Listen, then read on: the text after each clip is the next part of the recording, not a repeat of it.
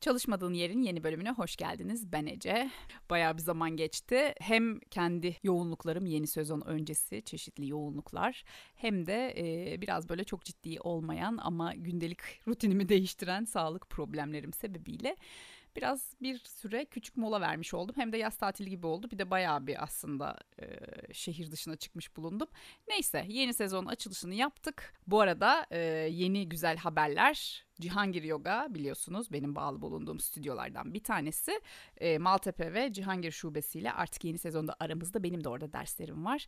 E, takip ederseniz beni Instagram'dan ya da zaten görüyorsunuzdur. Oradaki derslerimi de görebilirsiniz. Yeni sezon bayağı hızlı bomba gibi başladı benim için. Podcast kanalı da aynen bu şekilde devam edecek.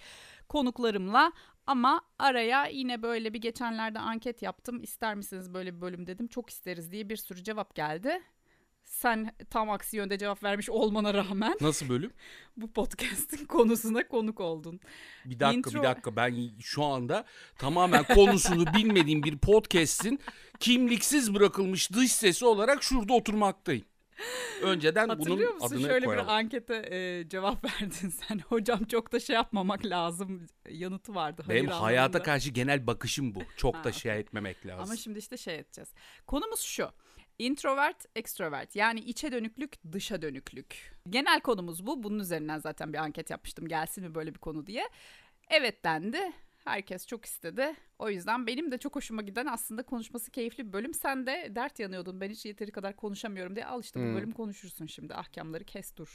Evet bir küçük girizgah yapayım ben. Zaten artık sosyal medya üzerinde çokça e, karşımıza çıkan bir konu bu. İçe dönük dışa dönük olma. Daha e, evrensel tanımıyla introvertlik, extrovertlik.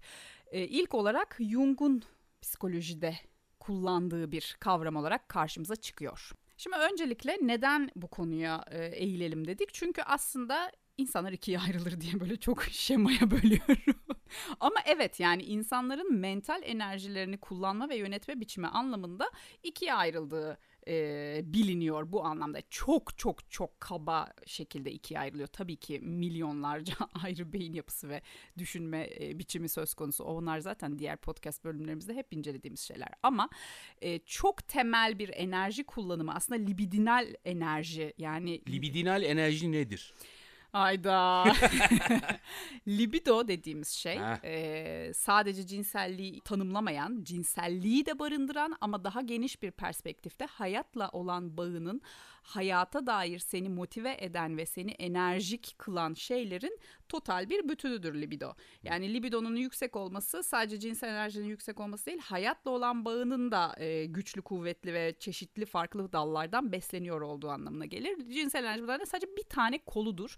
E, yine bilinmiyorsa böyle bir dipnot da vermişlerim. Libidinal enerji de aslında yaşamsal enerji diyebiliriz. Yani motive olma enerjisi, motive ol, seni motive neler ediyor ama bu böyle hani e, sadece hobiler vesaire anlamında değil daha fazla seni içten ve dıştan neler drive ediyor bir yere doğru harekete geçiren şey. Seni aslında harekete geçiren, eyleme gücünü arttıran şeyler libidinal enerji dediğimiz onun kaynakları. Dolayısıyla bu enerjinin yönetimi anlamında evet çok temel düzeyde ikiye ayrıl ayrılabiliyor insanlar. Ay ayırabiliyor yani psikoloji bilimi bunu çok çok dediğim gibi kabataslak bir şekilde. İçe dönüklük dışa dönüklükte bu çok genel çerçevenin iki ayrı kısmı. Arada bir de ambivert denen seçici sosyallik var. Yani ikisinden de olan. İkisini bir, Bir küme gibi düşün. tekrarlayalım tabiri. Ambivert. Ambivert. Evet. Radyocu alert. Neyse e, bu da seçici sosyallik denilen ikisinden de biraz yani hem ondan hem ondan olan kısım. Bunlara birazdan değineceğiz zaten. Yani temelde işte kendimizi tanımlamaya ya da belki hiç bu konularla ilgili düşünmediysen belli belki kendine dair karakteristik özelliklerini biliyorsun, tanımlıyorsun ama bunlar hangi sınıflar altında nasıl değerleniyor kısmı birazcık bugün konuşacağımız şeyler. Çünkü bunlar bizi aslında meslek seçimimize kadar ya da çocukken nasıl oyun oynadığımıza kadar etkileyen şeyler. Şimdi e, çok kısa teoriyle başlayalım yine her zamanki gibi. Carl Gustav Jung biliyorsunuz ki çok değerli bir e, psikanalist. Özellikle psikanaliz konusunda çok daha farklı ayrıksı çalışmalarıyla bildiğimiz artık ismini neredeyse bilmeyenin kalmadığı bir kişi. Hatta Jung'un çok güzel bir sözü vardır. Dışa bakan rüya görür, içe bakan uyanır. Ya Söyleyeceklerim bu kadar. ne gülüyorsun ya? Jung ilk kez 1909 yılında bir üniversitedeki e, dersi esnasında introverted kelimesini kullanıyor. Daha sonra 1921'de Personality Types kişilik tipleri kitabında bu introvert extrovert terimlerini ilk kez daha detaylı bir şekilde açıklıyor. Jung'un bu terimi iki ayrı sınıf olarak kullanmasının altında yatan şey yine aslında bizim dünyayı algılayış biçimimizdeki e, farklılaşmaları, o spektrum değişimlerini öngörebilmek. Çünkü aslında dünyayı algılayış biçimlerimiz şu şekilde bölümleniyor. E, mental ve zihinsel ve bilinç içi, bilinç dışı kondisyonumuz anlamında bir düşünme biçimimizle bunu dünyayı algılıyoruz. Nasıl düşündüğümüzle, bir hissetme, duygulanım biçimimizle, bir de duyumsama algısallığımızla ve deneyimleme biçimimizle. Yani aslında bu dört ana faktör bizim total dünyayı algılama biçimimiz açısından önemli faktörler, önemli başlıklar ve bunlar kendi içlerinde zaten içe dönüklük, dışa dönüklük özellikleri anlamında değişkenlik gösteriyor. Ha öncelikle şunu söyleyelim en başta disclaimer vermek adına. Jung da özellikle vurgular ki hiç kimse sadece %100 içe dönük introvert değildir. %100 dışa dönük extrovert değildir bu bir spektrum, iki ayrı kutup. O kutubun içerisinde belli bir dalgalanma hali ve dalgalanma derken günden güne bir dalgalanma şeklinde değil. Yüzde kırklık bir içe dönük yapıya sahipsin. Ama bu bazen yüzde otuz sekiz olup bazen yüzde kırk beşe çıktığı dönemler olur. Ama hiçbir zaman atıyorum yüzde 80 introvert birden tam tersine dönüşmüyorsun. Bir taraf daha baskın. Yani bu da seni ya introvert olarak bir sınıfın içerisine sokuyor ya da extrovert ya da az önce dediğimiz ikisinin arasındaki ambivert olarak. Daha sonra Jung bu şekilde bir bunu küçük bir detaylı tanımlandırıyor. Bunlar üzerinden kişilik tiplerini farklı farklı katmanlarda inceliyor ama asıl bunu teorize eden kişi 1960'larda psikolog Hans Eysenck. Yine bu da birazcık daha işin içerisine nörobilimsel bir e, katman koyup bu kortikal inhibisyon yani beyindeki kortekslerin çalışma biçimi anlamında anlamında birazcık daha e, yaklaşıyor olaya. Mental enerji dediğimiz yine o mental enerjinin doğal olarak neye, hangi üretim modeline yatkın olduğuyla ilgili bir sınıflandırmada bulunuyor. Yani aslında Jung'un e, yaptığı, hazırladığı kökeni, temeli birazcık daha üzerine e, inşa etmiş bir şeyleri bina etmiş halde devam ediyor. Bu noktada bir sorun var. Buyurun. Şimdi bir insan ağırlıklı olarak extrovert veya introvert her neyse ne bunun değişkenliğini ortaya çıkartan şey yaşadığı toplum mudur? Erken bir sormuş oldum. Erken sormadın aslında doğru sor. Yani yine geleceğiz buraya ama hmm. yaşadığı sadece bu değil. Genetik faktörler de var. Hmm. O baskınlık içerisinde birazdan onu da anlatacağım.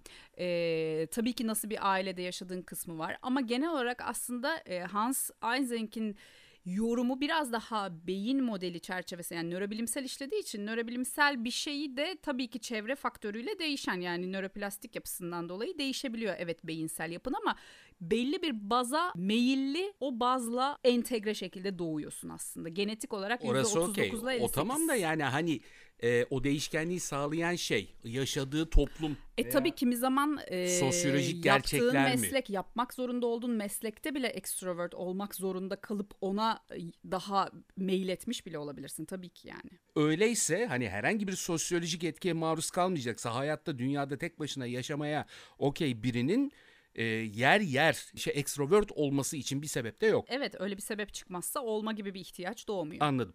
Tam tersi vice versa extrovertler için de geçerli. Aynen Dışa evet. dönükler için de geçerli. Bu arada zaten Jung bir de şöyle bir e, dipnotu var.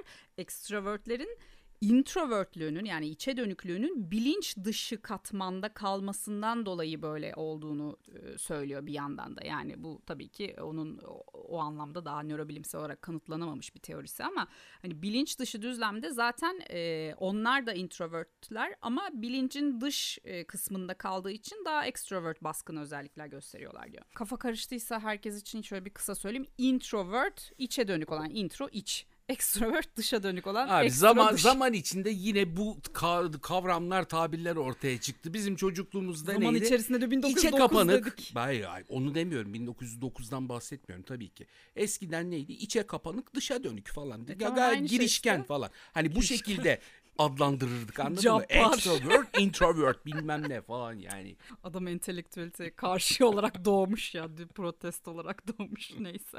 Özellikle Hans Eysenk'in teorisinden ilerleyelim çünkü Jung'un üzerine bina etmiş olan o.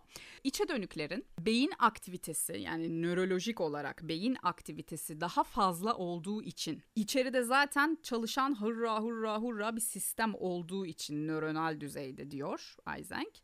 Dışarıdaki stimülasyonlara yani uyarıcılara karşı çok daha hassas. Dolayısıyla almakta problem çekiyor, yoruluyor. Çünkü içerisi zaten çok çalışıyor. Daha zeki anlamında çok çalışıyor değil. İçerideki beyin hücresel aktivite yoğun. Extrovertlerin de diyor nöronal aktivitesi daha düşük olduğu için gap'i bir şekilde kapatmak için daha fazla dış uyarıcıya ihtiyacı var. Yani aslında denge bulmak için aslında balans için yani homeostasis dediğimiz şey için yapıyor bunu ikisi de. Düşün ki içerisi çok kalabalıksa dışarıdan daha fazla şey alamazsın ya. Hı hı. Birinde içeride yeterince aktivite yoksa dışarıdan aldığın aktiviteyle o beynini beslersin. Dolayısıyla bu bir beslenme biçimi. Bir aslında batarya gibi düşünürsek o hep enerji enerji işte mental enerji vesaire dedik. O enerjiyi nasıl aldığın, nasıl kazandığın ve nasıl tükettiğinle ilgili bir şey.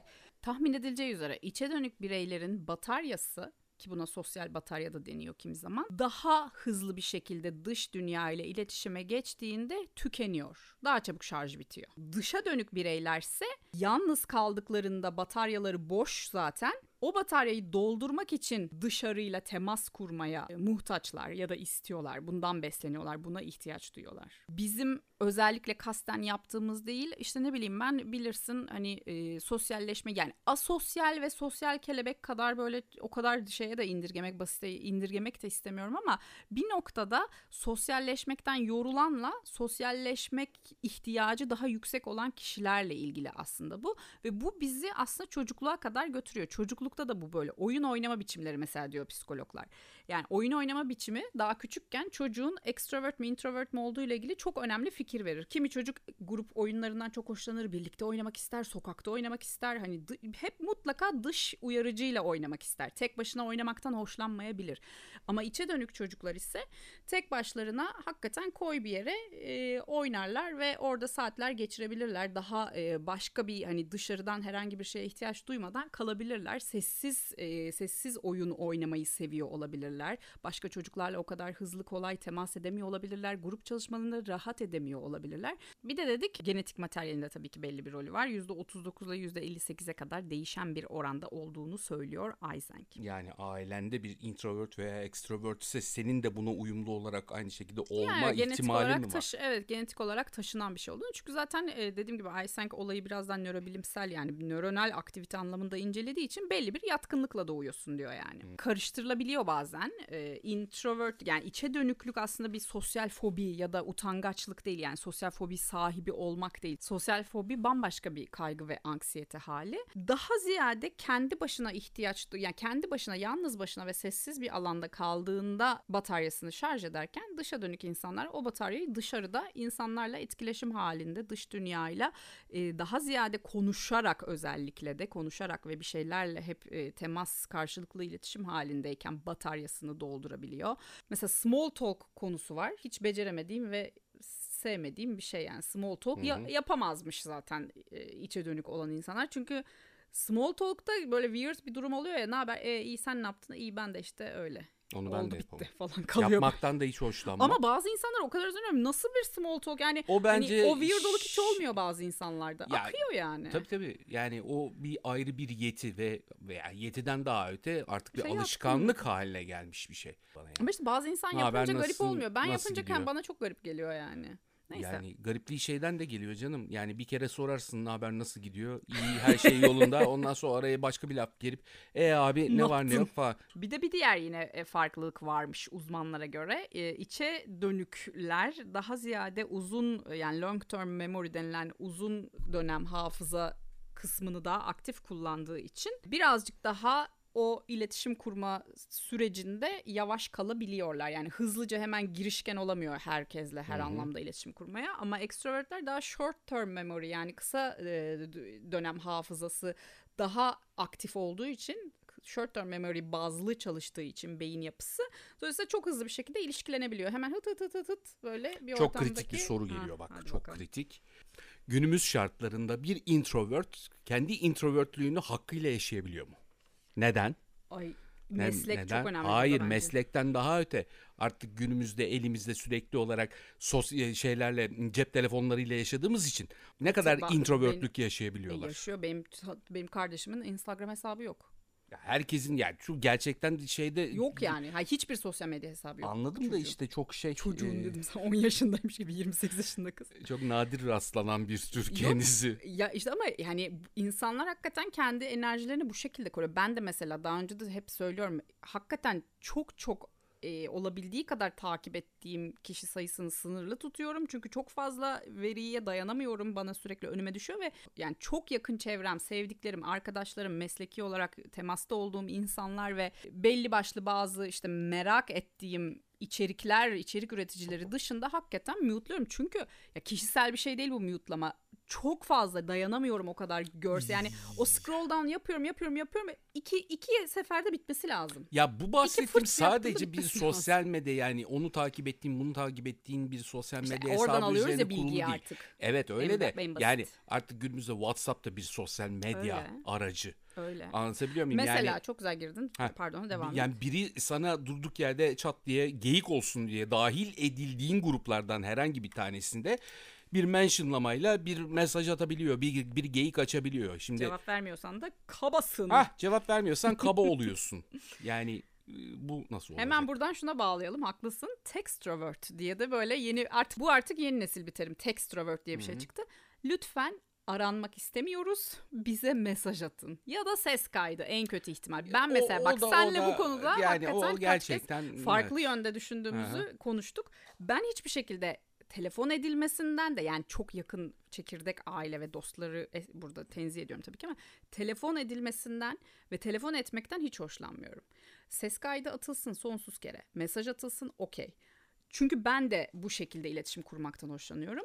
E, bunun da artık yavaş yavaş oturmaya başlayacağını e, artık işte textrovert diye bir terim de çıktığına göre e, insanlar bunu gözetmek zorunda. Çünkü hakikaten bu kadar hızlı bir şekilde birbirimizin hayatına nüfuz etmemeliyiz. Olayın teknolojik gelişimini de bildiğim için yani. söyleyebilirim. Push to talk diye bir şey vardı eskiden. Hı. Eğer bu o kadar yaygınlaşan bir şey olsa push to talk çok daha ileri giden bir teknoloji olurdu. Hoş diyeceksin ki şimdi WhatsApp'taki sesli mesaj özelliğine çok benzer. Onun çok daha gelişmişi, çok daha uzun e, sesli mesaj atabildiğimiz bir sistem. Ama ben çok da işlevsel olduğunu hiçbir zaman düşünmedim. Yani, yani şöyle bir şey yaşamışlığım vardır benim.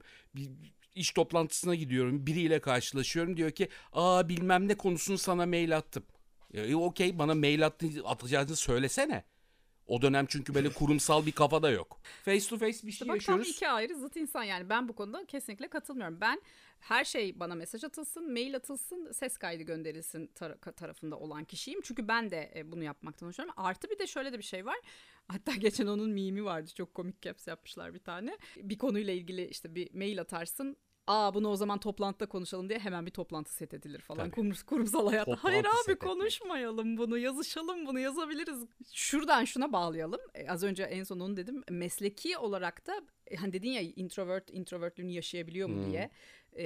Evet daha zor tabii ki bir extrovert'ün ulaşım alanı çok daha kolay kendi enerji e, batarya besleme kaynaklarına ulaşması. Çok daha rahat sadece bir herhangi bir telefonda uygulamasını açması yeterli kendini besleyebilmek için. Ama introvert'ün tabii ki öyle değil. Hem e, bir yandan kontrol etmek gündemi takip etmek ya da en azından basic haberleşme için o telefonu kullanıyor olmak zorunda. Ama aynı zamanda da kendini o fazla e, yığından yani bilgi yığınından enerjisini korumak zorunda. Evet haklısın ama burada mesleğin çok önemli olduğunu düşünüyorum. Ben mesela kendi eski kurumsal mesleğimin ilk yıllarında e, tabii sanat profesyonel olarak çalışıyordum yine ama birazcık daha extrovert olmamı gerektiren bir e, iş yaptığım zamanlarda inanılmaz e, mutsuzlaştığımı ne kadar her ne kadar yaptığım işi seviyor bile olsam sanat okumuş bir insan ve sanat profesyoneli olsam bile inanılmaz enerjimin sömürüldüğünden çok iyi biliyorum. Çünkü bazı meslekler bazı karakter yapılarına çok uygundur ya işte mesela satış, pazarlama, hı hı. işte müşteri, müşteri temsilciliği, event yönetimi vesaire falan gibi böyle daha insanlarla dışarıdaki üçüncü parti dediğimiz herkesle her şeyle temasta olmanı gerektiren bir e, mesleki grup var. Bir de daha işte böyle ARGE, işte akademisyenlik, proje geliştirme, işin background'unda daha kendi başına çalışıp üretebileceğin bir e, iş e, kolları vardır. Hatta bunu aslında yurt dışında birazdan ona da geleceğim. Eğitim daha çocukların eğitilmesi konusunda, mesleki eğitimleri konusunda e, bunu önemsiyorlar. Kesinlikle meslek karaktere göre seçilmeli. Evet o yüzden kendinizi bu anlamda yatkınlığınızı çok erken yaşlarda tanımak da önemli bir şey. Ya da çocuğunuz varsa onun hakikaten yatkınlığını yani o, o çocuk hakikaten o mesleğin gerektirdiği şeye sahip mi? Ee, belki mutsuz olacak. Çünkü bu, bu kadar basit bir şey bile mutsuzluğa sebep olabilir diyorum ya ben yani hayatımda çok kısa iki aylık bir dönem sadece sanat PR yaptım. Üstelik de bir müze PR'ıydı bu. Yani daha ne olsun. Ee, ama onda bile yani tüylerim diken diken oluyor hatırladıkça. Yani çünkü müşteri dediğim şey ya benden bir hizmet bekleyen biri bende şey yaratıyor böyle. Enerjim daha baştan sömürülmüş gibi hissediyorum. O yüzden bunları bilmek, kendini tanımlamak anlamında e, değerli geliyor bana. Bir de ona değineceğim. Rudolf Steiner'miş işte ilk eğitimde bunu bir metodik olarak çocuklarda araştırmasını yapan. Yani ekip çalışmasına yatkınlık ya da tek başına çalışmaya yatkınlık. Şimdi hep bunu da hakikaten değinmeden geçemeyeceğim. Böyle ülkemizde bir şey var ya işte ekip çalışmasına uygun musun? Pozisyon başvurularında hep yazar ya da işte ne bileyim ben çocuklardan bu beklenir. Hayır abi değilim ve böyle bir zorunluluğum olmaması lazım. Neden bu sürekli bize çocukluğumuzdan beri dayatıldı? Bir e, must olarak. Teamwork tanımı iş hayatında özellikle kurumsal kafada evet. önemli bir şeydir. Yan, bence e, fazla over yani, e, appreciate edilmiş bir şey olduğunu bence değil. Fazla yani, önem verildiğini düşünüyorum. Tamam zaten o pozisyonda çalışmaya okey olup o sözleşmeyi imzaladıysan tabii ki senden beklenen odur. Ben şuna karşıyım diyorum. Bunun neden teamwork yani ekip çalışmasında iyi olmak niye diğerine göre tercih ediliyor? Bir pozisyon için tercih edebilirsin. Bu seçimleri çok erken daha görüp yapabilir e, insanlar çocuklarında ya da kendilerinde artık hangi yaş grubundaysa ondan bahsediyorum. Yani 12 yılımı belki başka bir yani yaptığım işten mutsuz değildim ama hani kendimi daha daha doğrusu dayatmaların dayatma olduğunu fark etmek uzun sürüyor. Yani 30'larına gelmiş oluyorsun yani. Hep çünkü ekip çalışmasına yatkın olman bekleniyor sen. Ya, sistemin bunu getirmiş olması belli bir grup karakter yapısındaki insanı zorluyor zaten. Tam olarak bundan bahsediyorum. Yani bu biri birinden daha üstün şeyler değil. Bireysel olmak da daha üstün değil. Takım oyuncusu olmak da daha üstün değil. Ama bize çocukluğumuzdan beri hep ekip ruhu ve takım oyuncusu olmanın daha üstün bir şey olduğu gibi bir varsayım. Kimi insan için ekip çalışmasından geçer, kimi insan için bireysel alandan geçer. Bireysel bir takım hemhal, kendinle hemhal olmandan geçer. İkisi de üretkenliktir. Önemli olan doğru kendine uygun olan yapıyı seçmendir. Yani ben bir takım ben bir takım oyuncusu olamazdım sporcu da olsam. Yani bir basketbol takımında oynayamazdım. Bu ben bencil bir insan olduğum için böyle değil. Benim enerjimi aldığım alan başka. Bireysel bir sporcu olurdum muhtemelen bir Tenisçi, spor dalıyla uğra. Olabilir. Jimnastikçi. Olabilir evet yani. Güreşçi. Güreşçi. Şu noktada bana söyler misiniz peki? İdeal bir introvert mesleği. Akademisyenlik. Ya ideal derken şu en rahat edebileceği. Çünkü Neden? akademisyen sürekli insanlarla e, bir temas kere, halinde, öğrencileriyle insanlarla temas ama halinde. temas halinde her zaman önünde bir filtresi var. Ya da yazarlık ya da e, sanatçılık. Bunların hepsi çok introvert işler. Yalnız başlarına üretirler ya bir sahil kasabasında. Evet yalnız, yalnız başına üreten insanlar sanatçılar ağırlıklı olarak ama yine de e, yani bu başka bir podcast bölüm konusu bence. Hani sanatçının yaratmak için acaba insanlarla zaman zaman iç içe olmaya ihtiyacı var mı sorusu geliyor aklıma. Yani bu çok dallandırılıp budaklandırılabilecek işte bir şey. Çünkü ne ürettiğine, yani. ne üretmek istediğine ve kaygısının ne olduğuna göre çok değişir. Yani bunun bir bunun da bir mastı yok bence. Ya bana kalırsa bir şey sinemada bir film yönetmeniysen bunu asla ve asla tek başına halledemezsin diye düşünüyorum. Hayır, Çünkü zaten yaşamın prodüksiyon... içinden beslenmen gerekiyor. Prodüksiyon anlamında ha, okay. değil. Burada yine ne ürettiğine, ürettiğin şeyin e, kavramsal ve e, içeriksel yapısına göre bunların hepsi oynak e, şeyler olduğunu düşünüyorum. Kaldı ki introvert dediğimiz yani içe dönük dediğimiz insan tipi insanlarla sosyalleşmiyor bir e, sosyopat değil bu insanlar. Sadece yani yönetim... belli bir filtre ve belli bir zaman yönetimine yani o sosyalleşmenin belli bir düzende ve dengede gidiyor olması olması burada önemli. Enerjisini sömürmeyecek kadar. İşte nasıl bir yönetmensin, nasıl filmler yapıyorsun karış... dediğim gibi. Nuri Bilge Ceylan'a olan Böyle bir şey dedin mi ben? düşmanlığınızı Böyle bir şey dedin mi? Herhangi bir şekilde ağzında NBC diye bir şey çıktı mı? Ya hayır. NBC'yi yedirtmem sana burada. ben hani ona değinmek istedim. Özellikle ekip çalışmasının fazlaca abartıldığını düşünüyorum. Ee, bir takım ruhu olmak demek illa o herkesle temas içerisinde ve böyle bir bütünün parçası o şekilde bir parçası olmayı gerektirmez. Ayrı ayrı kendi içerisinde de belli bir ortak üretime malzeme sağlıyor olabilirsin bu arada. Yine o bütünlük ruhunu bozmadan bireyselliğini koruyabilirsin, introvertlüğünü koruyabilirsin. Yani bunlar birbirleriyle zıt şeyler değil. İkisinin karıştırılmaması gerekiyor. Yani introvertlükle bencilliğin birbirinden çok çok farklı şeyler e, olduğunu bilmek lazım. Konu burada enerji ve kendi üretkenliğini besleme biçiminle ilgili. E, yani şey olarak tabii ki yine hadi birazcık o kısmından bahsedeyim. Introvertlerin daha tabii ki daha aktif çalışıyor. Nöronal yapıları daha aktif dedik ya. O yüzden overthinking yani fazlaca düşünmeye, her şeyi fazla didik didik didik didik didik etmeye daha müsaitler. Çünkü beyinleri bu şekilde çalışıyor. Biliyorum. Karşıt olarak da extrovertlerde de iç gözlem eksikliği olduğu söyleniyor. Yine herkesin çok iyi bileceği Myers-Briggs e, tip göstergesi. Catherine Cook Briggs ile Isabel Briggs Myers Jung'un bu kuramından geliştirdikleri tip göstergesi anketiyle iç gözlemsel test ortaya koyuyorlar. Bunu çok rahatlıkla internette bulabilirsiniz. Gayet de güvenilir yani sitelerde artık bu şekilde bu test. Bayağı birkaç hani bir sürü bir sürü sorular var. Güzel de sorular. Şey mi test yani introvert müsün, extrovert müsün? O, yani o gene yatkınlık. ana başlığı yatkınlık ama asıl olarak az önce en başta söyledik ya işte düşünme, dünyayı algılama biçimi, düşünmeyle ilgili, duygulanımla ilgili, algılamayla ilgili ve deneyimle ilgili olan dört ana başlığımız var bizim hayatı algılarken. Bu dört ana başlığa dair sana çok temel yine alt başlıktan oluşan sorular soruyor. Bunların bir tanesi şu dikkatini nereye fokuslamayı tercih ediyorsun? Bu bir senin bir X bir özelliğini ortaya çıkarıyor. Dışarıya mı içeriye mi işte içe mi dönük dışa mı dönük. Bir diğeri bilgiyi nasıl temin ediyorsun? Yani dışarıdan bilgi alırken bu hmm. iki, iki taraf için de geçerli. Algısal mısın? Yani duyduğu yani dışarıdan gelen bilgiyi alarak mı onu içeride çeviriyorsun yoksa sezgisel misin yoksa içten gelen olana daha mı çok güveniyorsun gibi bir başlık var. Bir diğeri karar alma mekanizman nasıl karar alıyorsun? Duygulanım üzerinden mi yoksa düşünsel e, mantık üzerinden mi? Bir de nasıl başa çıkıyorsun gibi bir başlık var. Algıya yönelik mi yoksa yargıya yönelik yani şöyledir ya da böyledir'e yönelik mi olduğu ile ilgili böyle temel bir test. Ben kendi içimde introvert olabilen biriyim. Ha şu var. Bu da bir soru aslında kendi hayatında yer teşkil eden eş, dost, akraba, arkadaş bilmem kim bunlarla e, zaman zaman temas etmeyi istemek, bunlarla bir arada vakit geçirmeyi istemek de ekstravertlük müdür? Güzel değindin. Oradan da şuraya bağlayabiliriz. Hatta geçenler geçen bölümlerden bir tanesi bağlanma teorisi vardı. Yani bağ Hı-hı. kurmak zorundayız. Zaten introvertler bağ kurmuyor değil. Sadece çok yakın bağlarıyla daha rahatlar, daha kendilerini açıyorlar.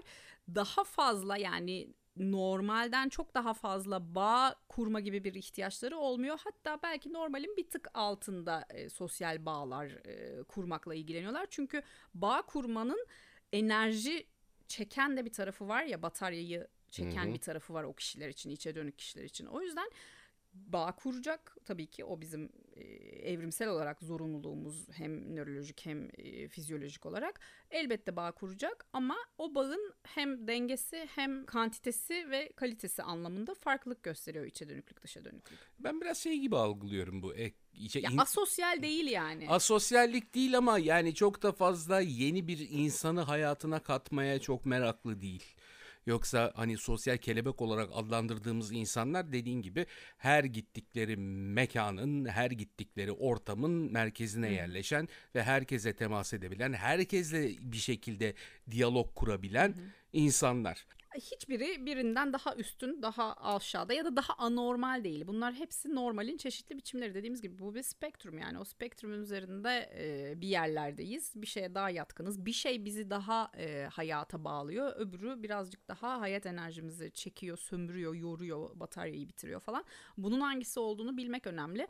Yine artık kapatalım çok konuştuk. E, şundan da bahsetmek istiyorum. Benim yine imposter sendromuyla ilgili psikolojide çokça rastladığımız çokça... Sendrom üzerine de de bir şey yapacaktık biz. Sendromlar bütün üstüne yapacağız evet o önümüzdeki... Yani siz yapacaktınız ben de konuşacaktım. Aynen önümüzdeki Falan programda yer alan şeylerden bir tanesi. Imposter sendromu ile ilgili eski bölümlerden bir tanesi var. Ee, ileride sendromlar bütünüyle ilgili bölümde yine oraya da değineceğiz. Imposter yani sahtekar sendromundan muzdarip insanların yüzdesel olarak çoğunluğunun da içe dönükler oldukları Hı-hı. söyleniyor yine psikoloji bilimi tarafından. Bunların hepsi kendini tanıma yolculuğunun işte know thyself. Yeni sezona bu bölümle böylece bir girizgah yapmış olduk. Bir sonraki değil ondan sonraki bölüm hareket bilimi, sinir sistemi ve daha detaylı psikosomatik konuları üzerine olacak. Görkem Dizdar'ı konuk aldığım bir bölüm var. Sırada bekliyor müthiş bir bölüm ama onun öncesinde ben biraz daha hem Görkem'in bölümüne girizgah olsun diye bir psikosomatik konusuna, somatik deneyimleme konusuna gireceğim. Ardından Görkem'le devam edeceğiz. Ee, bir sonraki podcast, iki sonraki podcast bölümümde